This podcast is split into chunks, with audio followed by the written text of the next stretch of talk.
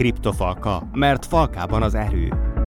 Üdvözlök mindenkit a Bitcoin kisokos legújabb részében, a szokásos módon Peti és Gábor lesz velem. Sziasztok, srácok!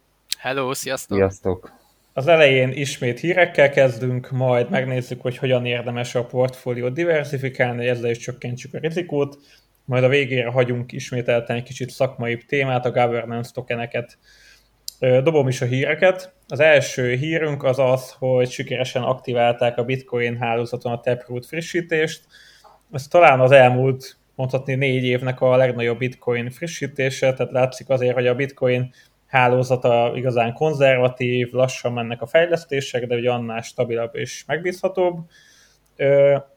Azt hiszem a Segwit 2017-es fejlesztésére épít a Taproot, aminek talán a legfontosabb része, hogy az anonimitást növeli még jobban, elvileg a tranzakciós költségeken is valamelyest tud csökkenteni, és ami szintén fontos, hogy a következő fejlesztéseknek egy viszonylag stabil és jó alapot ad, amire meg könnyű lesz építeni. Ti hallottatok még esetleg több mindent a Taprootról? Ez elvileg egy nagyon komplett csomag, tehát hogy több mindent foglal magába. Ha jól tudom, akkor, akkor három, három ilyen nagy része van. A Schnorr Signatures, a, a Taproot és a TapScript, és ezek igazából nagyjából egymást, tehát egymással összefüggésben vannak, tehát nem, nem önmagában nagyon fontosak, hanem így, így együtt és amiket mondtál, ezek, ezek mind olyan frissítések lesznek, amik javítják majd a, a gyorsaságot is, akár a tranzakciós költséget, a, a, a, az anonimitást.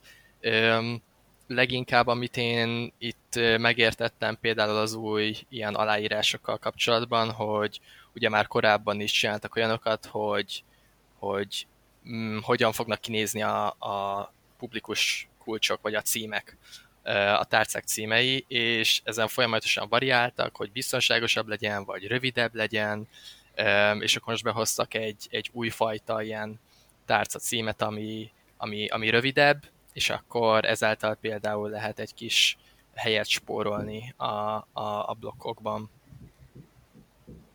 Igazából ami még szerintem itt fontos, ő, az, hogy a Bitcoin hálózatához igazából bárki kezdeményezhet bármilyen frissítést, tehát akár, mint mondjuk volt a Bitcoin Cash-nek a, a javaslata, hogy növeljük a blokk méretét, nem tudom, 16 megabyte-ra talán, vagy lehet, hogy korábban még kevesebb volt a cél, de hogy igazából azt kell látni, hogy a Bitcoin hálózatára lehet frissítéseket javasolni, viszont ezek a frissítések csak akkor tudnak megvalósulni, hogyha a közösség egyöntetően elfogadja ezeket, és, és, és ezeket bevezeti.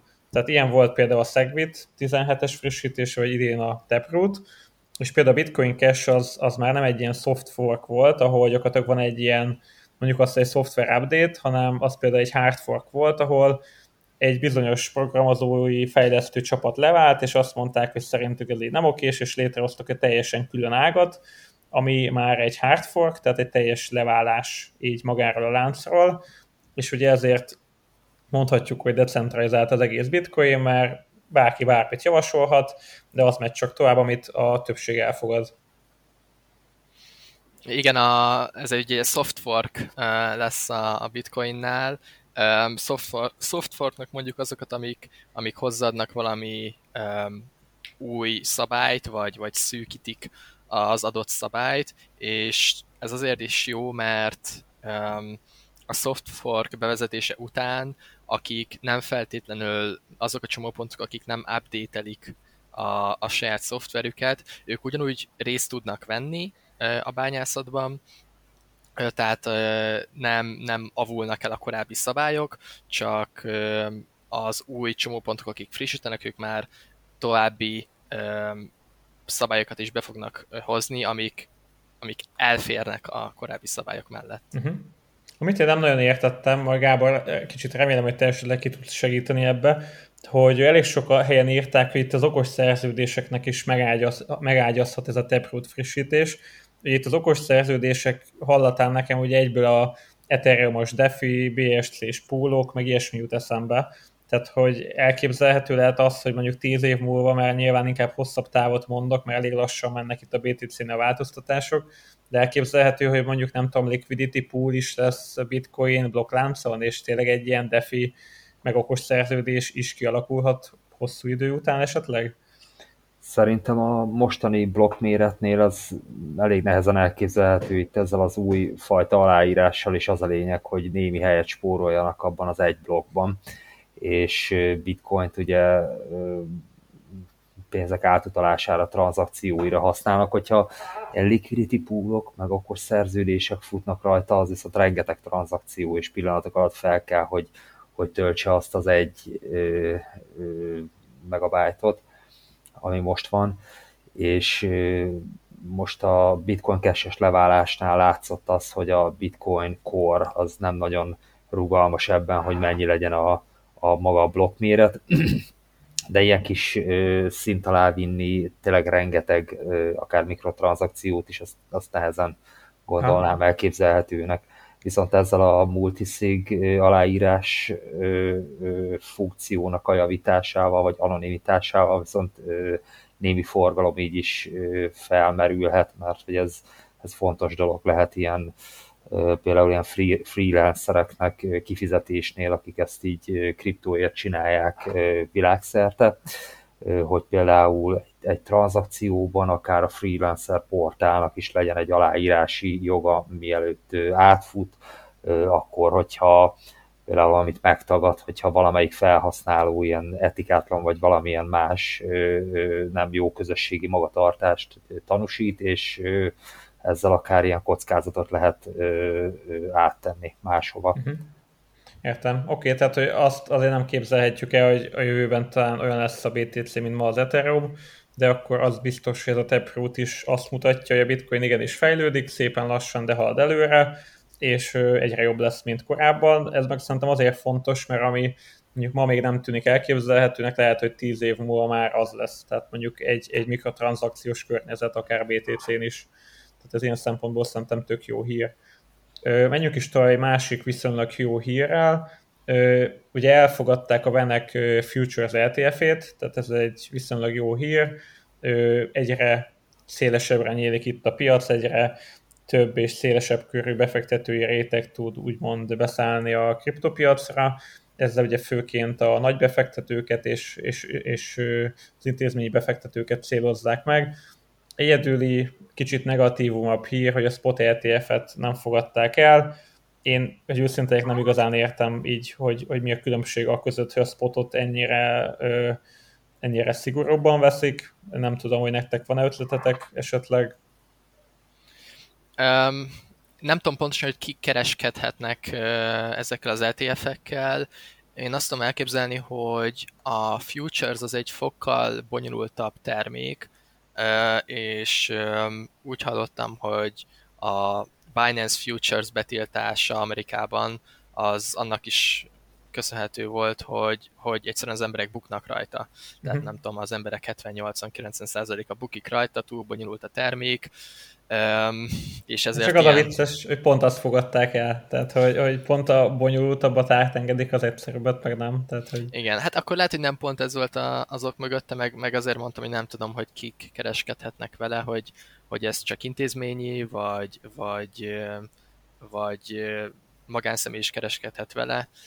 Um, nem tudom, lehet, hogy nem feltétlen van mögötte teljesen észérv, tehát hogy most tudom, Twitteren láttam, hogy valaki kiírta talán a Gurbács Gábor, hogy a Venektől, hogy lehet mondjuk cannabis ETF-et venni, meg lehet ilyen mémcoinokkal, nem tudom, kalandozni, meg nem tudom rizikózni, de hogy amúgy egy viszonylag stabilabb, meg jól körüljárt valamit, mint egy spot ETF-et, amin a Gáborék is, ha vagy két-három éve dolgoznak, azt meg nem engedik át, tehát hogy nem feltétlen van ebben ráció.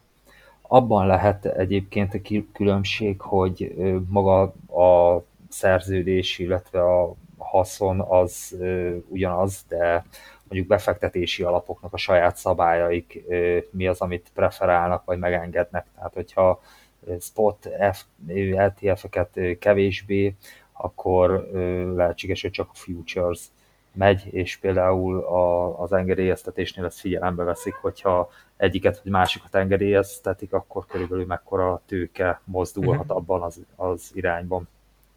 Amúgy ami vicces, ugye, hogy most átfutott az első egy-két bitcoin ETF, ami futures volt, és hogy azt néztem, hogy valami nem, nem rekordforgalmat generáltak, de hogy így bőven felugrottak a, a dobogóra.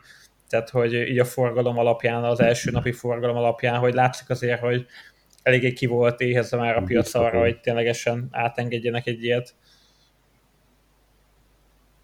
Oké. Okay. Hallottatok a Biden új törvényjavaslatáról? Igen, igen, igen. A, egy-két szalagcímet is olvastam, magyarul is, angolul is, úgyhogy sok helyen lehozták. Hát ez most már törvény is aláírta, és ö, igazából maga a törvény az életbe lépett, és nekünk így a kriptós része az érdekes, ami 2024-től ö, lesz érvényes. Ez ugye ö, arra kötelezi majd a, a brókereket, hogy a tranzakcióikat 10 ezer dollár érték fölött a adóhivatalnak jelentsék le. És ez az, ahol igazából most tart a dolog, de ez például a bányászoknál állítólag rendkívül körülményes tud lenni, és egyébként is hát a jelenlegi helyzethez képest nagyon szigorúnak tűnik. Kíváncsi vagyok, hogy 2024-re így milyen javaslatok lesznek abban, hogy hogy lehet ezt betartani. Igazából később dől nem tudom, nekem így a magyar szlag címek kicsit ilyen túlságosan clickbaitnek tűntek, hogy egy megsemmisítő csapást mér, meg nem tudom, hogy, hogy így, így nem igazán volt nálam így, így pariba azzal, ami ténylegesen maga ez a törvény, mert az, hogy mondjuk egy céget, meg egy brokert szabályoznak jobban, azt szerintem tök oké, okay. tehát hogy nyilván ott a szabályozás legyen kellően szigorú, az meg, hogy 10 dolláros tranzakció fölött lesz extra dokumentáció, azt meg nem tartom életszerűnek, és lehet, hogy nem is fogják tudni nagyon ellenőrizni. Tehát, hogy nekem ez egy ilyen kicsit ilyen semmilyen dolog. Nem igazán érzem annyira negatívnak. Én sem gondolom, hogy olyan, olyan mm, gyomorszájba gyiláló fájdalom lenne ez most így a, a kriptovaluták piacán.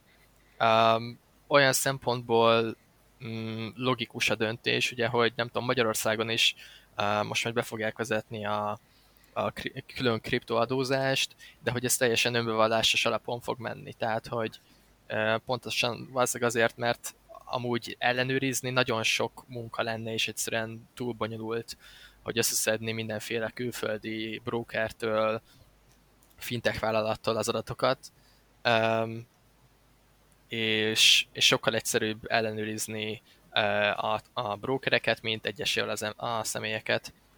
És akkor, és akkor ezáltal rájuk írni valami törvényt, tehát hogy ilyen szempontból logikus, viszont az, hogy, hogy ez ilyen nagyon nagy mm, probléma lenne a kriptopiacra, azt jelenleg én nem gondolom, esetleg annyiban szabgáltat, hogy egy ilyen, ilyen, ilyen, ilyen szigorú korlátozást, vagy egy ilyen, tehát hogy egy ilyen innovatív piacot így visszafogni, az lehet, hogy nem feltétlen jó ötlet, de hát az, azért az USA sose volt ilyen nagyon ilyen kriptobarát ország, tehát hogy talán a, a semleges körül mozog, vagy kicsit néha kripto ellenes, de azért mégse.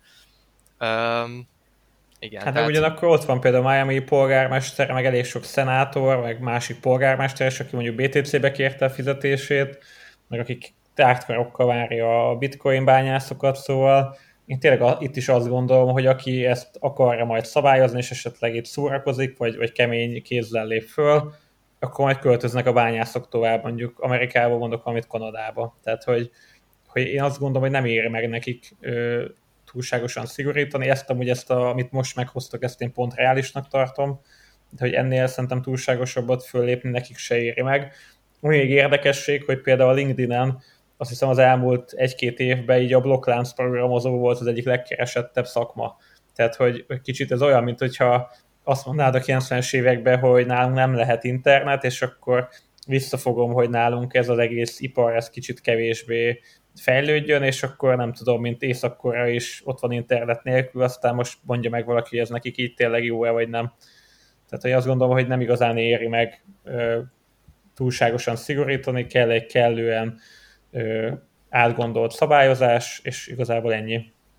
Igen, én is az inkább a szabályozás az, amit jobban tolnék, tehát nagyon sokan így, nem tudom, elsőre félnek attól, hogy úristen szabályozás, de én úgy gondolom, hogy sok jót tud hozni a szabályozás, Igen. tehát hogy, hogy fogyasztóvédelmet, kevesebb becsapást, teret a, a, a cégeknek, hogy, hogy olyan körülmények között vonuljanak be egy piacra, hogy tudják, hogy mi a jogi állás, tehát szerintem ilyen szempontból fontos a szabályozás. Igen. Meg hát például részvényeknél is ugye, ha neked van egy részvény, akkor mindenféle kimutatást kell mutatnod, és azt meg tudja nézni egy befektető, és át tudja értékelni ezt, a, vagy át tudja gondolni az egész befektetését, meg a céget, tehát hogy a kriptopiacon ugye erre senki nem kötelez, tehát hogy tehát tényleg simán belefuthatsz csomó hülye projektbe, meg csomó olyanba, ami tényleg majd elviszi a pénzedet, szóval én is azt gondolom, hogy egy minimális szintű szabályozás így nem, nem feltétlen baj. Oké, okay, menjünk is tovább, az tényleg csak egy ilyen viszonylag mikrohír, hogy a Binance Smart Chain, a BSC-n lévő tranzakciók all-time high-on vannak, napi 15 millió tranzakció zajlott a BSC-n, ami mindenkori rekord, sose pörgött még ennyire a BSC. Szerintetek CZ most mennyire örül magának? Szerintem nem meglepő, hogy ennyire beindult a Binance Chain, mert az utóbbi időben már lehetett látni, hogy az összes új projekt, új coin token az Binance chain indult, mivel hogy tehát úgy, ugyanaz, mint az Ethereum, csak olcsóbb, és eleve mivel a Binance Coin Ethereum tokenként jött létre, egy kompatibilis is maga az egész Binance Chain és a Smart Chain a, az Ethereum virtual machine-nel, úgyhogy volt, volt honnan igazából piacot szereznie, és a számok meg önmagáért beszélnek, főleg, hogy inkább az Ethereum számai, amik eléggé magasan vannak mostanában a tranzakciós díjak. Minden platform ö, megjelent Binance is, és jobban megéri. Hát ez kb. az, amiről beszélünk már Gábor kb. egy éve, hogy igazából most van a konkurenciának ideje meg terehódítani. Igen. Ja, aztán amúgy nem csak a, a tranzakciók száma van all-time high-on, hanem a, az aktív címek is, tehát hogy nem tudom, még májusban, amikor, amikor még éltük a DeFi boom e, talán javát, akkor, akkor volt nagyjából ilyen 1 millió e, aktív tárca, most meg, most meg 2 millió van, tehát hogy elvileg meg kétszereződött. Ez ugye nem feltétlenül jelenti azt, hogy a felhasználók száma is meg kétszereződött, mert létre tudok hozni kettő címet, viszont eléggé valószínű, hogy azért, azért növekedett a felhasználók száma. És ami ehhez visszakapcsol tök izgi, hogy Peti biztos emlékszel, neked átdobtam speciálba, meg a, a Discord privát csoportunkba is kidobtam azt a Twitter értekezést, ahol valaki azt vezette le, hogy például egy olyan projektet, mint az Ethereum, miért is nem úgy kell kiértékelni, mondjuk egy céget, ahol, ahol a hagyományos mutatókat nézzük, hanem valamilyen teljesen más módszer alapján, és ő például azt vezette le tök szépen, hogy például az Ethereumnak az ára az elég sok mindennel együtt korrelál, ez nyilván lehet akár a fiat pénzek készletének változása, de hogy ami tök izgi, hogy például az aktív tárcák, meg a tárcák számának a növekedése is nagyon szépen bemutatható volt, hogy elég szépen együtt korrelál magával az árfolyammal. Tehát nagyon egyszerűsítve azt lehet mondani, hogyha iszonyatosan pörög maga a hálózat, és nagyon sok tárca keletkezik, nagyon sok tárcát használnak, az egy erős, fundamentális alap, ami valószínűleg az árfolyamot is majd fogja magával húzni. Igen, szerintem valahogy így több részre bontható így egy, um, egy hálózatnak, vagy, vagy tehát mondjuk az Ethereumnak a, az értékelése, hogyha valami modellt akarunk erre csinálni, akkor szerintem lennének ilyen úgymond súlyosabb számok, mint például a felhasználók száma, a total value logged, tehát hogy, uh-huh. hogy mennyi, mennyi pénz forog az adott hálózaton, és akkor lehetnének ilyen kisebbek, hogy projektek száma, tranzakciós költség, díj, ilyenek, és akkor abból úgy szerintem tényleg össze lehet dobni valami, valami jó kis modellt. Erre voltak is jelentkezők, hogy, hogy, ők, hogy ők csináltak ilyet. Ezek amúgy szerintem ilyen makrotrend jelleggel tudnak jó mankót biztosítani, hogy, hogy való, merre mehet az árfolyam a jövőben. meg ugye ez tök jó, hogy ezt így lehet elemezni on-chain, tehát hogy ez, uh-huh. ezek, ezek nem ilyen titkos adatok úgymond, mert ugye a blokkláncban pont az a jó, hogy, hogy igazából minden publikus, tehát meg tudod nézni az adatokat az Etherscan honlapon. Uh-huh. Igen, én a Sentimentet szoktam használni, ami nagyon jó oldal. Ugye van az a privát csoportunk, ahol megosztunk elemzéseket, meg mindenféle, ott például szoktam rendszeresen én on elemzésekkel jelentkezni, ahol például azt vizsgálom, meg így mutatom be a közösségnek, hogy a bálnák ö, hogyan viselkednek, nem tudom mennyi bitcoin van a tárcákon, akkor a social media aktivitás hogyan áll, a közösség ö, elmúlt havi profitja az, az milyen, ö, kategó- milyen értéken mozog, tehát igazából ezek tényleg jók, mert meg tudod nézni transzparensen a blokkláncon, és ki tudod értékelni, hogy ez most egy jó mutató, vagy nem jó mutató, és akkor az alapján tudsz kicsit jobban döntést hozni. Igen, úgy tűnik, hogy ezek az on-chain mutatók idővel beárazódnak, tehát hogy a, a tranzakciók száma is a, ö, valamilyen szinten együtt mozog a, az árfolyammal, az aktív tárcák száma az, amikor nem azt jelenti, hogy több ember használja, akkor azt, hogy mondjuk én használok több tárcát ugyanazon a kriptovalután, ami meg jó, mert akkor valamire, valamire használom, tehát hogy lehet, hogy több helyen ö, tartom liquidity poolban, vagy több accounton van, több helyen fizetek vele, tehát a maga a kereslet ez, ezen a fronton is nő rajta.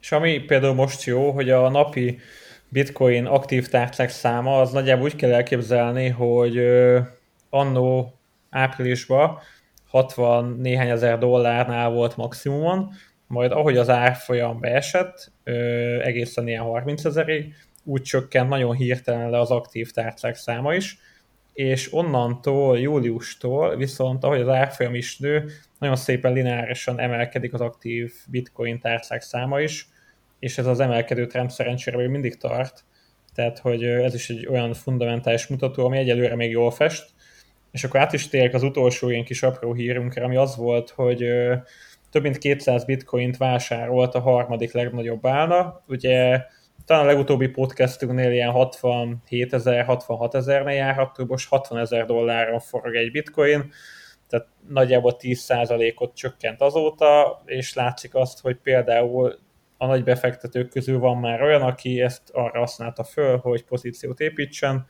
és nem megijed, hanem éppen pont a lehetőséget és az olcsó bitcoinokat látja benne ez mindig így történik a nagyobb eséseknél, a 100 meg 1000 bitcoinnál nagyobb tárcák híznak olyankor. Igen. Ezek is az on-chain adatok, amikről beszéltünk az előbb, hogy ilyenkor azért látszik utólag, de látszik, hogy nagy volt a pánik, de akinek nagy benne a tét, az, az éppen vásárolt. Hát meg azt mondhatjuk talán, hogy akinek nagyon sok BTC van, vagy nagy tőke, ő azért szerintem is szakértelemben biztosan feljebb áll, mint az, akinek van nem tudom néhány száz dollárnyi bitcoinja, tehát hogy én azért azt gondolom, hogy ők azért tényleg jobban értenek ez az egészhez, meg jobban átlátják a piacot, és, és szakképzettebbek egyszerűen, és, és tudják, hogy mikor kell beszállni, amikor ugye mindenki fél, de azért még a trendünk emelkedő trend, mert hogy nyilván azt azért fontos látni, hogy 10%-ot csökkent a bitcoin, ami a BTC-nél semmi. Tehát, hogy, hogy nála az ilyen 30 százalék, amire azt mondom, az már tényleg egy komoly korrekció, de százalékból ez a 10 százalék az még mindig egy nagyon minimális és egészséges valami. Meg önmagához képest is most valójában visszaesett 60 ezer dollár, tehát hogy ez így a Igen. év eddigi szakaszában az nem tűnt volna ilyen kiborító hírnek egyik napról a másikra is akár. Igen, hát januártól még mindig egy duplába van, több mint duplába, tehát hogy pont láttam azt a mémet, ahol a Squid Game-es öreg faszi van, és akkor ott van, hogy bal oldalt 60 ezer dollár, és így atom örül a fejének, jobb oldalt 60 ezer dollár, és akkor ott meg a sarokból szomorkodik. Tehát, ja, hogy ja. Tényleg annyira vicces, hogy, hogy egy hete, vagy két hete annyira örülti a 60 ezernek, utána meg amikor 67-re visszamegy 60 akkor teljesen izé, mindenki összeomlik, hogy Jézusom mi van pedig amúgy pont, pont ennek kéne örülni, hogy, hogy nem egy ilyen ö, fenntarthatatlan, exponenciális ö, emelkedésbe vagyunk, hanem hogy vannak néha korrekciók, tehát hogy, hogy egy egészséges emelkedésnek szerintem ez, ez kell.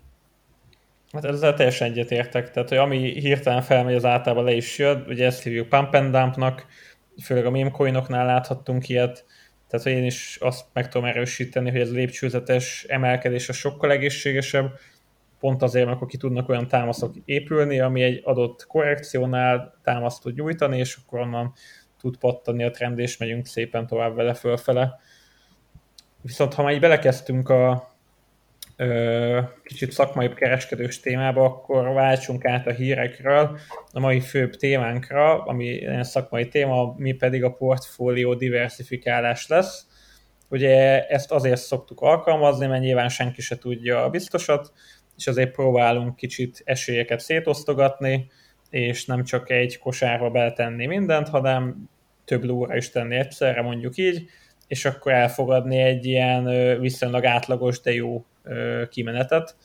Ti mit gondoltok, milyen, milyen tulajdonságok alapján lehet célszerű diversifikálni egy ilyen kriptós portfóliót?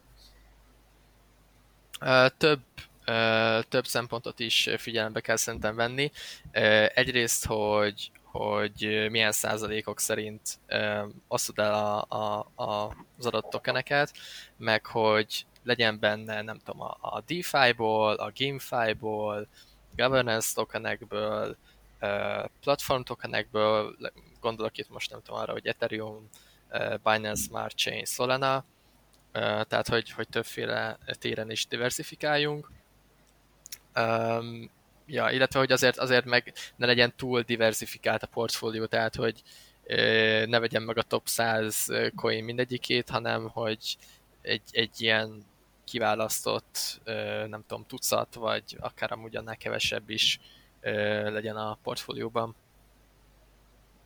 Ja, amúgy teljesen egyetértek, tehát hogy első nálam is így a projekt kategória, tehát, hogy, hogy mondjuk, csak mondok egy egyszerű példát, hogyha egy olyan portfóliót állítasz össze, amiben mondjuk csak privacy coinok vannak, mint mondjuk Monero és a többi, akkor hogyha tényleg hoznak egy olyan szabályozást, hogy a privacy coinoknak lőttek, akkor nyilván neked nem igazán jó. Tehát ezért célszerű nem csak egyfajta projektet vásárolni, tehát mondjuk nem csak fizetésre szolgáló projektet, mint mondjuk Bitcoin, Litecoin, Ripple, meg lehet sorolni, hanem hogy tényleg így a kategóriák alapján kicsit szétosztani, amit Peti is mondott. Ami szerintem ez, mert talán a második legfontosabb, így a, én a market cap szerint szeretek még diversifikálni, tehát hogy azt el lehet mondani, hogy minél nagyobb valamiben a tőke, meg nagyobb a market cap, az annál mondható stabilabbnak, és kicsit talán kevesebb rizikót vállalósnak, és ami meg ilyen nagyon kicsi, ilyen mikro alt, akár az, az ugye sokkal rizikósabb, tehát hogy célszer azt is látni, hogy valaki a top 1-től minél lejjebb mászik itt a kripto ranglistán, amit amúgy szintén a CryptoFalco oldalán nagyon jó árfolyam oldalt meg tudtok nézni, ugye annál nagyobb rizikót vállal, tehát ott is célszerű azt megtartani, hogy nagyobb tőkét inkább a, a biztosabb és kisebb rizikót vállaló nagy projektekbe tenni, és a kis projekteket meg általában kisebb portfólió hányaddal megjátszani. Én pont ma csináltam egy ilyet, Na. portfóliót raktunk össze valakivel, és igen, tehát hogy ezek a fő szempontok, hogy egyáltalán ismeri az ember, hogy milyen kategóriába esnek, meg a market cap szerint sorba rakni, de amikor már az van, hogy tényleg jellemzően Binance-en tart az ember valamekkora összeget, aki így kezdi, vagy ebbe be akar szállni. Bár van néhány nagyobb, amit, amit mondjuk ismersz és megtartasz, azon kívül fontos, hogy mondjuk bitcoin legyen a legalább negyede, fele, az úgy attól függ, hogy mennyire akarsz nagy kockázatot vállalni, és, és ez a market cap szerinti minél nagyobb felé húzás, annyi, annál kisebb elmozdulások lesznek rajta.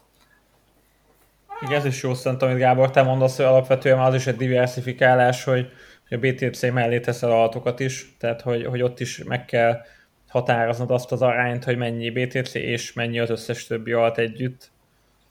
Igen. Külön az Ethereum még egy érdekes, mert az, az altok között a legnagyobb, meg abban már nézik a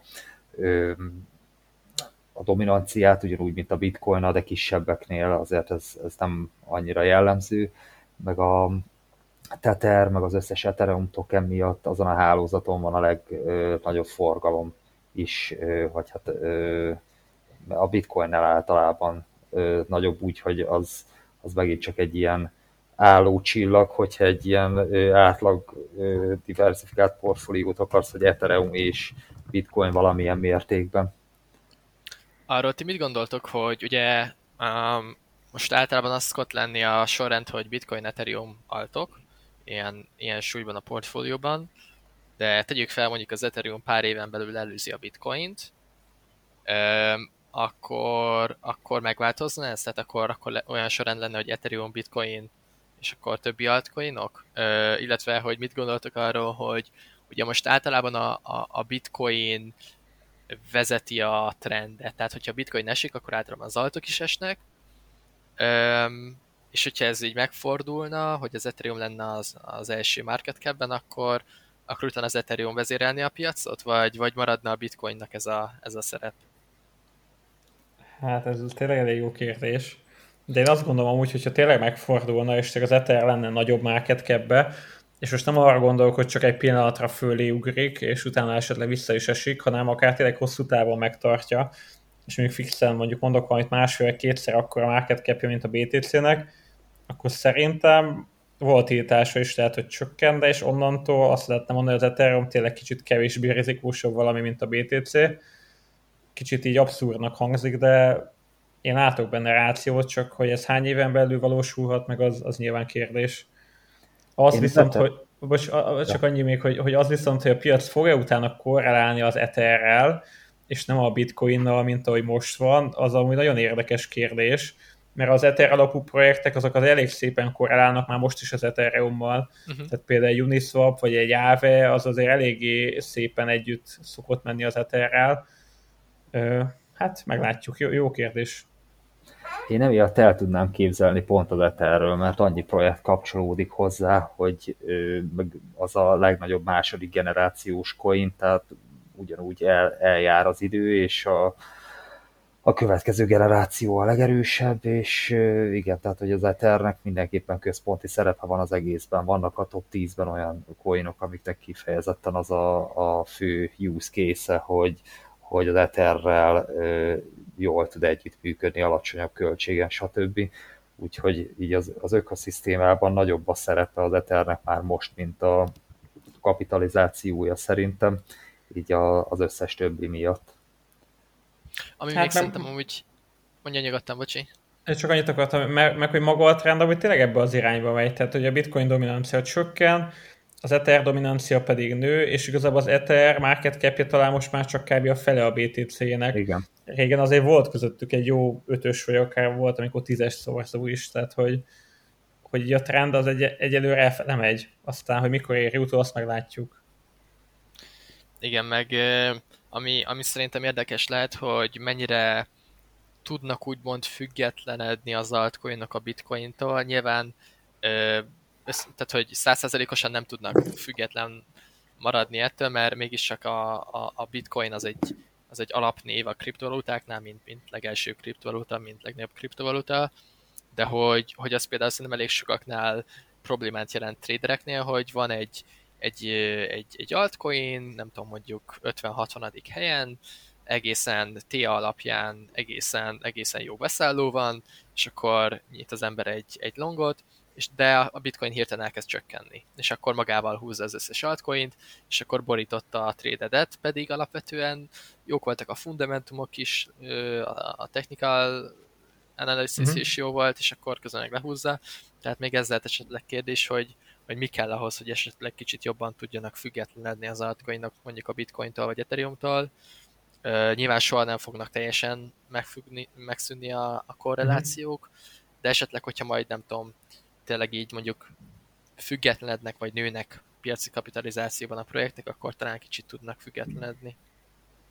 Egyetértek, de én is azt gondolom, hogy soha nem fog, lesz teljesen független. Tehát, hogyha megnézzük a fiat pénzeknek így a, azt mondhatjuk, a viszonylag érett piacát, ott is szerintem, hogyha dollárral valami van, akkor az nyilván a többi fiatot is húzza magával. Nem feltétlenül ennyire erősen, mint itt a kriptóba, de hogy, hogy nyilván azért arra fölfigyel minden más szakértő. Tehát, hogy, hogy azt gondolom, hogy valami meg fog maradni, aztán, hogy, hogy pontosan hogyan változik, az kérdés, meg tényleg az lesz a nagy kérdés, amikor mondjuk te 5 év múlva megkérdezel valakit, hogy mondj egy kriptovalutát, és nem a bitcoint fogja elsőnek mondani, hanem az Ethereumot. Mert hogyha, ha az lesz, hogy tényleg a, a köztudatba is előrébb kerül, a market cap is előrébb van, és, és így jobban pörög maga a hálózat is, akkor, akkor tényleg szerintem ez bekövetkezhet, de talán ennek a hármasnak kéne teljesülni egy együttesen szerintem. Óva intek mindenkit attól, hogy valaha olyan világ legyen, hogy a Dojit mondja legelőször, mint kriptovalutát. De a Doji már a mémcoinoknál sem menő, tehát hogy már tovább léptek, nem? Itt is Shiba Inu, meg Seifu, meg Floki, a minden. Gyorsabban mennek a generációk. Igen. Hát az nagyon durva belgondolni, hogy a Doji ott van egy top 10-nél, a Shiba pedig követi Igen. 11-nél, tehát hogy, hogy mi van? tehát, hogy... Igen. Jó, mondjuk a Doji, ő, ő azért elég hosszú múltra visszatekint, tehát hogy neki én azt mondom, hogy már így nem azt mondom, hogy fix helye van tényleg így a top 25-be, de hogy, hogy ő szerintem már tényleg velünk marad, és nem fog kikopni. Ez a portfólió kialakításnál megint csak egy szempont lehet, hogy amikor uh-huh. megnézegeted, hogy tényleg milyen típusokba fektetsz, akkor most már az portfólió, hogy, vagy típus, hogy meme coin. Aha, igen. Hogy pont ebből azokból kifolyólag, hogy a Doji is, meg a Shiba is feljött így a top 10 környékére van belőlük vagy ezer darab, és hát ki tudja, hogyha, hogyha összehasonlítgatod őket, akkor lehet, hogy érdemes egy, nem tudom, valamelyik kisebb, kockáztatósabb részt rádobni ebből egyre-kettőre, mert igazából okos szerződés platformok ezek zömé, zömében, ugyanúgy, mint az összes többi ilyen, ilyen stékelős, nem tudom, BSC alapú coin, de egymáshoz képest lehet, hogy valamelyik jobb, mint a másik, és ténylegesen elkezdik használni. A marketingre épít az egész, hogyha valaki valamit jól elkap, akkor, akkor ott bizony nagy megindulások lehetnek az árfolyamban. Amúgy, amúgy tökre egyetértek, hogy amit a mémcoinok jól elkaptak, az ugye az, hogy nem csak a kereslet meg a kínálat számít, mármint hogy a kereslet és a kínálat is számít, tehát hogy te nyújthatsz kínálati oldalra bármit, valami tök jó dolgot, de hogyha nincs ott a kereslet, és nem rajong érte több, nem tudom, százezer ember, meg akár nem is tud a projektedről, akkor lehet valami über szuper cucc, ami sokkal jobb, mint bármi más, de hogyha senki nem látja, meg nem ismeri, akkor, akkor nincs kereslet iránta, és, és lehet tök jó a kínálatod, akkor se fog befutni. Ugye a mémcoinok meg inkább kicsit ott erősek, hogy náluk a, a kereslet az tök jó, mert iszonyatosan fölhajtják a népet, és nagyon sokan akarják ezt így promózni, meg hype aztán a kínálati oldal szerintem is kicsit gyengébb, de hogy, de hogy azért mégis az látszik, hogy valamit össze tudnak hozni így a, a jó piacokon. Tehát én azt gondolom, hogy a rossz piacon azért ez a, ez a hype az elég hamar le fog így, így hanyatlani, de ilyenkor a piacon, hogy egyetérte Gáborra, Na, hogy ezt is, ezt, is, ezt is így föl lehet fogni egy ilyen, egy ilyen eszközosztálynak így a kriptón belül. Igen, lehet, hogy merve piacban sortolgatni lesz ezeket jó, hogyha tényleg azt látjuk, hogy a csúcsig ezekből a kutyás coinokból néhány nagyon nagyot megy, akkor mondjuk érdemes lesz figyelgetni rá, hogy nem, nem fognak-e megfeleződni egy-egy hetente ők. Aha. Amúgy a diversifikálás kapcsán, még ami eszembe jutott kicsit, az már távolabbi dolog, de hogy például célszerű lehet tőzsdék között is diversifikálni, tehát mondjuk nem csak egy sima Binance számlát tartani, ott is le, len, lenni mondjuk, hogy nyitni egy, egy Binance-et, egy nem tudom, egy Nexo-t, egy OKX-et, Crypto.com-ot, egy Metamaskot, és igazából már abból is diversifikálni, hogy mit hol tartasz. Igen. Vagy akár mit milyen módon tartasz, mert Igen. ezek mindegyik tőzsde, de előfordulhat, hogy, hogy megismered azt, amit úgy hívnak, hogy cold wallet, és tetszik annyira, hogy azt mondod, hogy azon tartod egy részét. Uh-huh. Vagy azt mondod, hogy, hogy nem is cold wallet, meg nem is kereskedés, hanem DeFi, meg liquidity pool, tehát igazából azt is érdemes diversifikálni, hogy mi az, amit így eltesz a széfből mondjuk egy, egy hardware validbe, mi az, ami aktívan kereskedsz mondjuk Binance-en, Igen. meg mi az, amit úgymond hosszú távra megvettél, és nem hagyod parlagó heverni, hanem kicsit dolgoztatod a penkéken, a Nexonál, és farmasz vele éves, nem tudom, 8-10 vagy 20 kamatokat.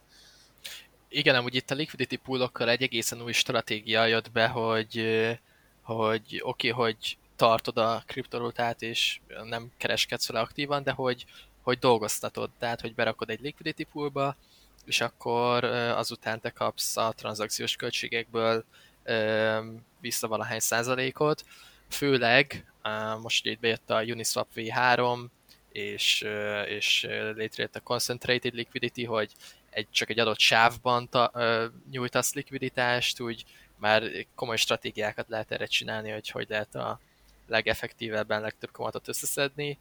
Ez, ez egy, szerintem egy, tényleg egy teljesen új, új kategória már így a ö, passzív vagy éppenséggel aktív ö, ö, tőkekeresettel. Ami kicsit, kicsit azt érzem, hogy én most, most ugye 30 vagyok, és hogy, hogy például én még pont emlékszek arra, amikor mondjuk bankba is tudtál pénzt tartani, és kaptál mondjuk ilyen 6 vagy akár talán 8 százalék betéti kamatot is. Tehát, hogy, hogy akkor még tényleg megérte régebben a bankba betenni a pénzedet, és kapni rá valamennyi éves kamatot.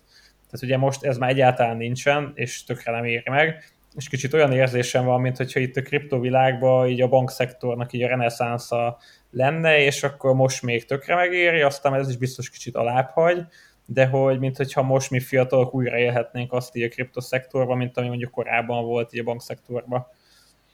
Igen, ugye a, a Celsius Network CEO-ja mondja mindig azt, hogy ö, ők is egy ilyen Nexohoz hasonló, Crypto.com-hoz hasonló, Cefi.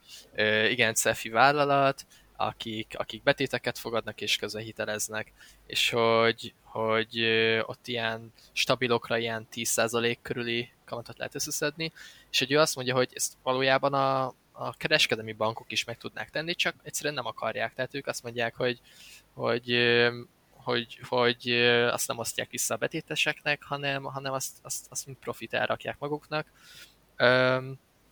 és, és itt a, a kriptovilágban pedig most tényleg itt a, a, az új felhasználók bevonzása érdekében magasak a kamatok, nagyon sok projekt indul, elképesztően nagy a likviditás, tehát hogy most tényleg um, egyszerűen olyan piaci körülmények vannak, hogy, hogy így magasan tudjuk tartani ezeket a kamatokat.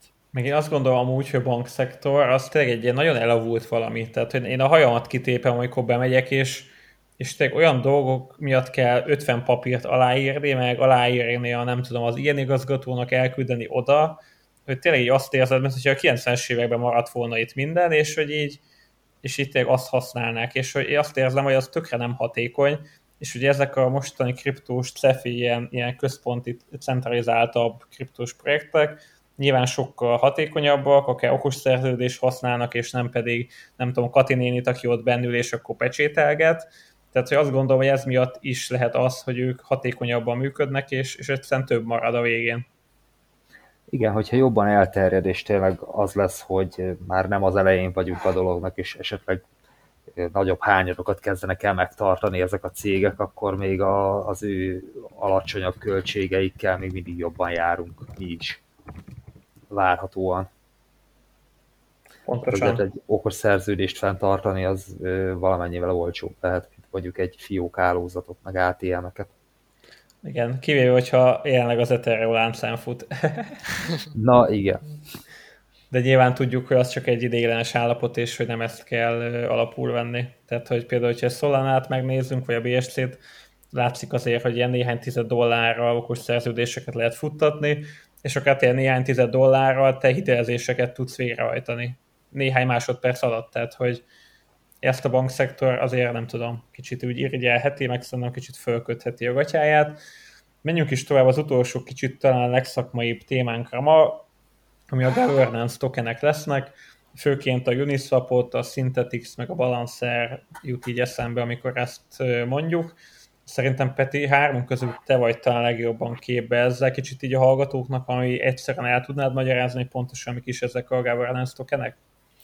Persze. A governance tokeneket általában a, az újabb projektek szokták kibocsátani, mint, mint az ő saját tokenük, és akkor mindenféle juttatásban részesítik ezeknek a governance token tulajdonosok, ezeket a governance token tulajdonosokat, leginkább szavazati erővel bírnak ezek a tokenek, vagy feljogosítanak valami szavazás indítványozására. Igazából nagyon hasonlítanak úgymond a részvényekre, tehát hogy ugye a, a részvényeknél is vannak olyan részvények, amik feljogosítanak a szavazásra, közgyűlésen való részvételre kaphatsz tőlük osztalékot, és nagyon, nagyon hasonló a, a governance token jellege, csak ez tényleg egy ilyen sokkal jobban decentralizált modell, sokkal demokratikusabb, mindenki ugyanannyi, tehát a saját token darabszámaival arányos szavazóerővel bír, és akkor ezek a úgymond betétesek próbálják irányítani az adott projektet, különböző szavazásokkal, mi legyen a jövője az adott projektnek, miket hozzanak be, miket ne, de ez amúgy tényleg nagyon változó, tehát hogy, hogy vannak nagyon jól működő ilyen, ilyen projektek, szervezetek, és vannak olyanok, amik, akik még csak így próbálnak belekóstolni, nincsen, nincsen túl sok lehetősége a governance token tulajdonosoknak, inkább még a, a, a projektet kitalálók vezénylik a, az adott projektet, tehát hogy ez nagyon-nagyon széles a skála, hogy mennyi jogot biztosít a tulajdonosoknak. És esetleg valami viszonylag jól működő példát már tudnál mondani, ami már, minél már az látszik, hogy, hogy így egész jól hozza ezt a történetet? Ö, ami nekem egy ilyen személyes kedvencem, az a Mirror protokoll, ami a Terra blokkláncon fut, és szintetikus részvényeket lehet létrehozni, tehát egyfajta, tehát tudsz, kere, tudsz kereskedni részvényekkel úgy, hogy, hogy amögött nem maga a részvény a fedezet, hanem másképp, másképp adnak értéket a tokeneknek, de hogy ehhez nem kell regisztrálni semmilyen brokerhez, hanem teljesen decentralizált módon tudod magadat kitenni egy adott részvénynek a, a, a adott részvény árfolyamának.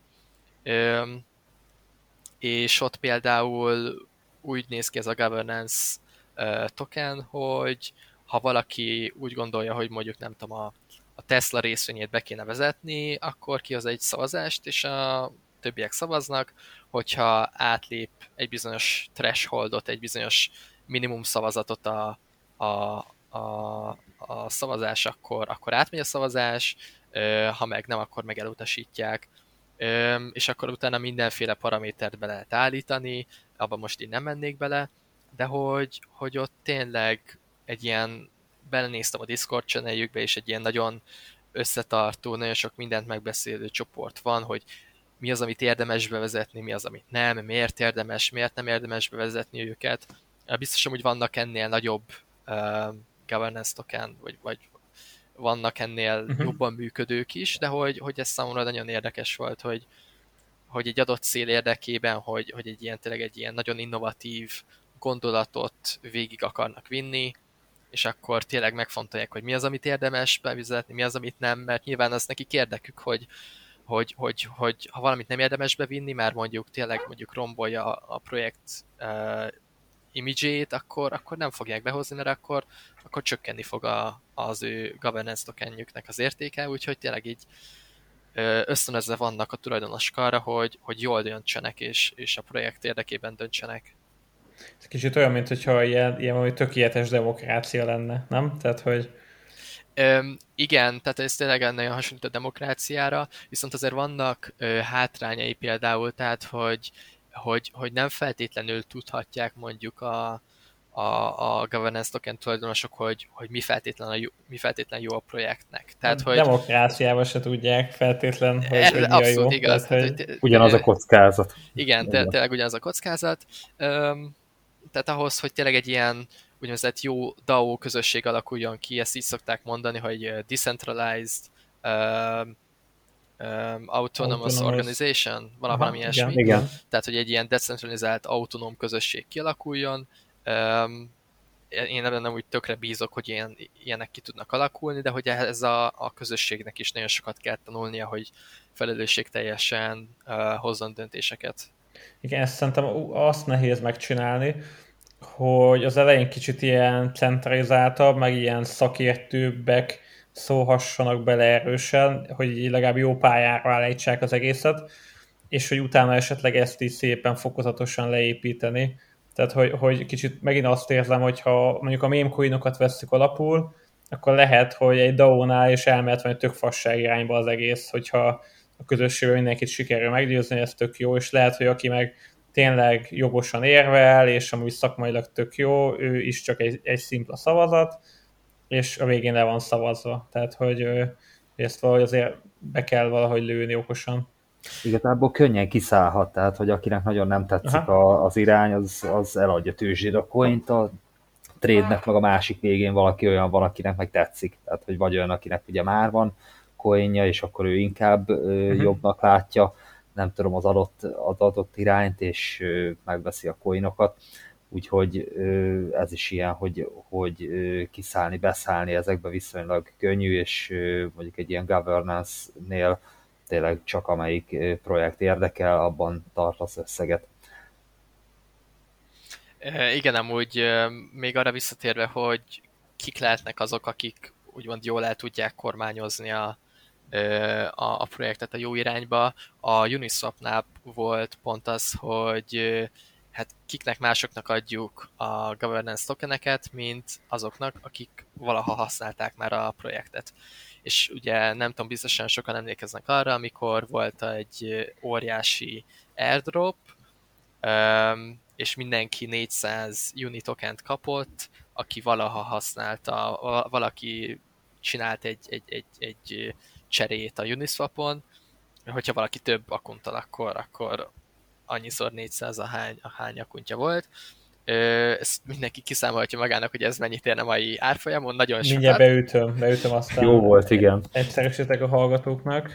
Nagyon sokat, és hát ez azért volt úgymond bölcs döntés a Uniswap-tól, mert így nem random spekulánsoknak a, mondta azt, hogy tessék, vegyétek meg a coint, és csináljátok vele, amit akartok, hanem olyanoknak adta oda, igazából ingyen, akik, akik már használták a platformot, tehát érdekeltek abban, hogy legyen ilyen, és értik is, hogy mi az adott platform, és a harmadik pedig, hogy egy nagyon széles rétegnek tudta egy odaadni, tehát nem egy, nem egy ilyen, egy ilyen, dec, egy ilyen centralizált közösségnek adta oda, hanem tényleg egy nagyon nagy userbase-nek, aki valaha használta az ő platformjokat.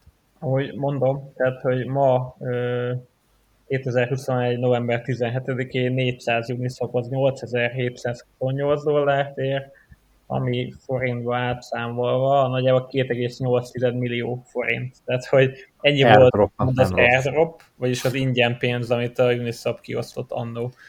És ez is szerintem egy tök jó példa arra, hogy a kriptóba tényleg miért kell ilyen hosszú távban tervezni. Tehát én, én, én is tényleg mindig a, így a long term, meg így a, amikor bika piac van, meg jó a piac, akkor tényleg azt szoktam így hangsúlyozni, hogy főként célszerű utazni a trenddel, mert lehet, hogy valaki mondjuk a juniát annó átváltotta, nem, nem emlékszem pontosan akkor mennyit ért. Tehát akkor, akkor... ilyen 3 vagy 4-5 dollár körül jött ki. Aha, igen, igen, igen. Tehát, igen. hogy akkor ilyen 100 ezer forintokról beszélhettünk, tehát nem ilyen milliókról, az biztos. De azért az is sok volt. Az is sok volt, igen, de hogy milyen boldogan átváltottad, hogy kaptál mondjuk mondok amit ingyen 300 ezeret, és hogyha azt az ingyen pénzt nem váltottad volna át, akkor megint 2,8 milliót ért, tehát hogy nem volt ott valami feltétel, hogy egy bitcoin számlán valamennyi ideig legyen bitcoin előtte?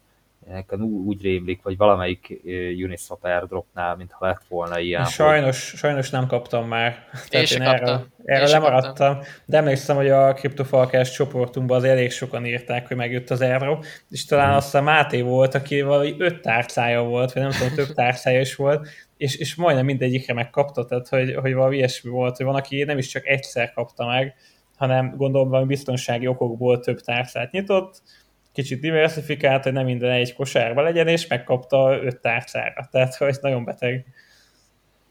Igen, amúgy ami még az ilyen governance token létrehozásának uh, lehet az oka, és szerintem a Uniswap is legelőször ezért csinálta, hogy, uh, hogy legyen egy hűséges felhasználói réteg, hiszen ott van például a SushiSwap, ami nem tudom, hogy amúgy azután jött létre, mint a Uniswap drop az vagy persze. Előtte. Az, az egy ilyen vampire attack volt, ahol az volt a, az egész projektnek a célja, hogy van a Uniswap, ami egy tök jól működő valami, abból csináltak egy kopit, és a Uniswap-nál azt mondták a Uniswapos liquidity poolosoknak, hogy gyertek hozzánk, és ennyivel több kamatot kaptok nálunk, mint a Uniswapnál. Tehát ők alapból úgy indultak, hogy az volt a célja a, a sushi swapnak, hogy elszívja a Uniswap-tól, mint az Unicornistól a likviditást, és ezért nevezték egy ilyen vampire ataknak. Na igen, és akkor például ezt valamennyire lehet, hogy meg lehet azzal akadályozni, hogy, hogy kiépítesz egy, egy közösséget, akik irányítják a platformot, és hogyha mondjuk egy, egy pár hónapja, pár éve, pár napja, akármennyi ideje irányítják a, a platformot, nyilván minél több ideje, annál jobb, annál inkább mondjuk hűségesebbek, nem akarnak mondjuk átmenni máshova, hiszen, hiszen a, az ilyen decentralized ö, applikációknál ö, a nyílt forráskód miatt nagyon egyszerű lemásolni az adott projektet, uh-huh. és, és, és ezzel talán kicsit be lehet védeni magadat, hogy, hogy persze, persze lemásolhatod az én projektemet, de a közösséget olyan nagyon gyorsan nem tudod majd átsábítani, vagy valami ilyesmi. Ugyanaz lesz csak újabb és amatőrebb igazából, úgyhogy tényleg mutatni kell valamit ahhoz, hogy, hogy elhúdítsd őket, de egy ilyen uniswapos airdrop például az elkötelezettség az valószínűleg jó a, a platform felé, és ez látszik abban is, hogy tényleg mennyit ment az Uniswap token, mióta kiadták mindenkinek, és látszólag azért nem, nem adta el mindenki. Hát meg úgy, úgy van még tök jó aktivitás Uniswapon, ugye, hogy ott az Ethernek a fee is problémája. Tehát hogy azt gondolom, hogy a Uniswap az most nem azt mondom, hogy hasonlóan szenved, mint az Ether, de hogy azért egy fél lába biztos, hogy hiányzik. Aztán majd, hogyha helyre az Ether, akkor szerintem iszonyatosan be fog megint robbanni a Uni. Tehát, hogy, és szerintem van benne bőven potenciál most, főleg amikor kicsit így, így úgy néz ki, hogy nem is annyira jó, meg hogy kicsit alulértékelt, aztán majd, hogyha megint változnak a fundamentumok, akkor meg szerintem hogy a hype megint rá fog majd menni oda is. Hát főleg, hogy ilyen centralizált tőzsdéket megközelítő volumok mennek, vagy nem tudom, igen, nem volt igen, olyan igen. nap is, hogy, hogy túlszárnyalta a volume. Úgyhogy szerintem ez nagyon nagy szó uh, ahhoz képest, hogy ez egy ilyen decentralizált tőzsde, ráadásul másik modellen is alapszik, tehát hogy nem, nem a megszokott ö, orderbook ö, vagy ajánlati könyv szerinti modellen, hanem a, a liquidity poolos módszeren alapszik, tehát hogy szerintem elmondható, hogy, hogy, hogy a decentralizált tőzsdéknek igenis nagyon nagy jövője van a, uh-huh. a, a kriptovaluták világában. Meg hát, hogy a, a tokeneknek is, amik Igen. ugye rajtuk vannak. Igen. Hát meg a trend az tényleg az inkább szerintem is, hogy, hogy így lehet, hogy el fog menni így a központi tőzsdéktől tényleg a decentralizáltak felé, mert csak a kényelem miatt is, tehát hogy például tök jó egy metamaskod, és csak fölmész egy oldalra, és csatlakoztatod egy, egy másik decentralizált tőzsdéhez, és nem kell regelned, nem kell ezt meg azt megcsinálnod, hanem tényleg sokkal rugalmasabban tudsz úgymond tőkét is mozgatni igen, amúgy a blokklánc az ezért is nagyon jó, és például vannak olyan törekvések, hogy, hogy most így kicsit elrugaszkodva a Decentralized Finance-től, és átugorva ilyen másik blokklánc technológiás dolgokra, hogy például ilyen decentralized identity-t létrehozni, és akkor mondjuk ezt meg tudod osztani egy bankkal, hogyha elmész, elmész egy adott bankhoz, hogy tessék, ez vagyok én, azon keresztül el tudjátok kérni minden adataimat, de hogyha holnap át akarok menni egy másik bankhoz, nem mondjuk kedvezőbb feltételeket biztosítanak, akkor nekem nem olyan nagy a switching cost, tehát nem kerül nagyon sokba átmenni egyik banktól a másikba, papírmunka, minden bizbasz, hanem egyszerűen a blokkláncon ott van minden adat, és én azt, azzal osztom meg, akivel Aha. én szeretném. Hát ez szerintem hogy hatalmas, tehát hogyha gondolj bele, hogy, hogy hány helyre mész és írod le, hogy mi a neved, mi az e-mail címed, mi a telefonszámod, ezt felszorozod azzal, hogy egy évben hány ember meg naponta mennyi ilyet csinál, akkor nem tudom gondolni, hogy több milliárd vagy sokkal több uh-huh. ilyen kijön. Hogyha azt felszorozod időbe, hogy mennyi időt veszel az egész akkor föltől az, hogy ilyen hülyeségeket töltögetünk, ahelyett, hogy tényleg lenne egy, egy decentralizált módon tárolva az összes adatod, és akkor te megadod az adott mondjuk nem tudom, boltnak, vagy banknak, vagy bárminek, hogy melyikeket, melyikekhez férhet hozzá, és akkor lehívja a te központi helyedre ezeket az adatokat, amiket neked igazából egy helyen elég frissítened, és mindenki majd onnan veszi át, és nem is a banknál van az adat, hanem az még mindig nálad van, és csak ő akkor férhet hozzá, hogyha te engedélyezed ezt neki. Tehát, hogy ennek szerintem tök, tök nagy jövője van. Igen, ez egy, ez egy teljesen valid use case, tehát hogy ezen nem úgy most is, most is dolgoznak um, több helyen, ha jól tudom. Tudtok esetleg ilyen projektet, ami mondjuk hasonlót csinálhat? A, az európai blokklánc hálózat most amúgy csinál ilyet, Ugye, hogyha valaki megnézi az Európai Uniót, akkor ők amúgy nagyon próbálnak felzárkózni egy blokklánc területen, tehát ott van a, a, a Mika Proposal, ami, ami a kriptovalutákat próbálja bekategorizálni, mint stabil coin, mint, mint, mint ilyen általános kriptovaluta, illetve a blokklánc, vagy a blokklánc rendszereket, hálózatokat is próbálják definiálni, illetve képíteni egy európai blokklánc hálózatot, hogyha valaki rákeres arra, hogy EPSI, mint EBSI, akkor ez a European Blockchain Services Infrastructure, és, és ott például az egyik use case az az, hogy ilyen decentralized identity-t létre lehetne hozni, amit azzal osztasz meg, akivel szeretnél, és ez a blokklánc hálózat, ez a európai tagországoknál lenne minden csomópont, vagy tehát minden tagországnál lenne egy csomópont. Tehát ez egy ilyen kicsit centralizáltabb megoldása a blokklánc hálózatnak, de szerintem maga a use case, meg a, a, a kicsit ez a innováció, meg a gyorsítása a folyamatoknak szerintem ez egy abszolút jó, jó megoldás. Ez egy jó kezdeményezésnek tűnik, a, hogy milyen módon valósítják meg, az viszont akkor egy saját ö, blokklánc lesz esetleg, vagy, vagy valami, valamit használni fognak, ami létezik, Ethereumot esetleg, nem lehet tudni? Um, lehet tudni, tehát hogy ezt Hyperledger Fabricre rakják, ugye ezt a Linux Foundation csinálta ezt a